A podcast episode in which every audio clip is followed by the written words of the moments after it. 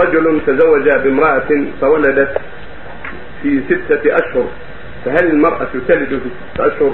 فإذا كانت تلد في ستة أشهر فما حكم الرجل الذي ينكر أن هذا الولد ليس بمولوده رغم إقامة الحجة عليه؟ أفيدونا الله جل وعلا قال سبحانه وتعالى وحمله وفصاله ثلاثون شهرا. أيوه. قال سبحانه وفصاله في عامين. الولد أقل ما يمكن في بطن أمه ستة أشهر ثم تلده في السابع أيوه. تاما إذا كانت إذا كان جامعها من حين تزوجها من حين تزوجها جامعها وولدت بعد ستة أشهر هذا مثله يعيش وينسب إليه.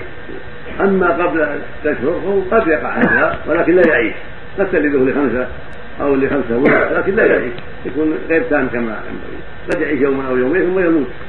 هذا لا يمنع من كونه ولد الله أيوه. لكن إذا كان أقل من ذلك وعاش يعني شيء واضح فهذا يكون من جماع سابق قبل النكاح يكون من جماع سابق أما زنا ولا وطن بشبهه نسأل الله السلامة. يعني إذا ولد قبل ست أشهر وعاش. إي نعم. كان ينسب إلى اخره هذا يكون يكون حاملا قبل النكاح أيوه. إنما اللي معنى هذا يصير ولد يعني إذا كان عاش ولد ستة أشهر أيوه. يوطئه لها. أيوه. أو قبل الستة لكن يعني صدق.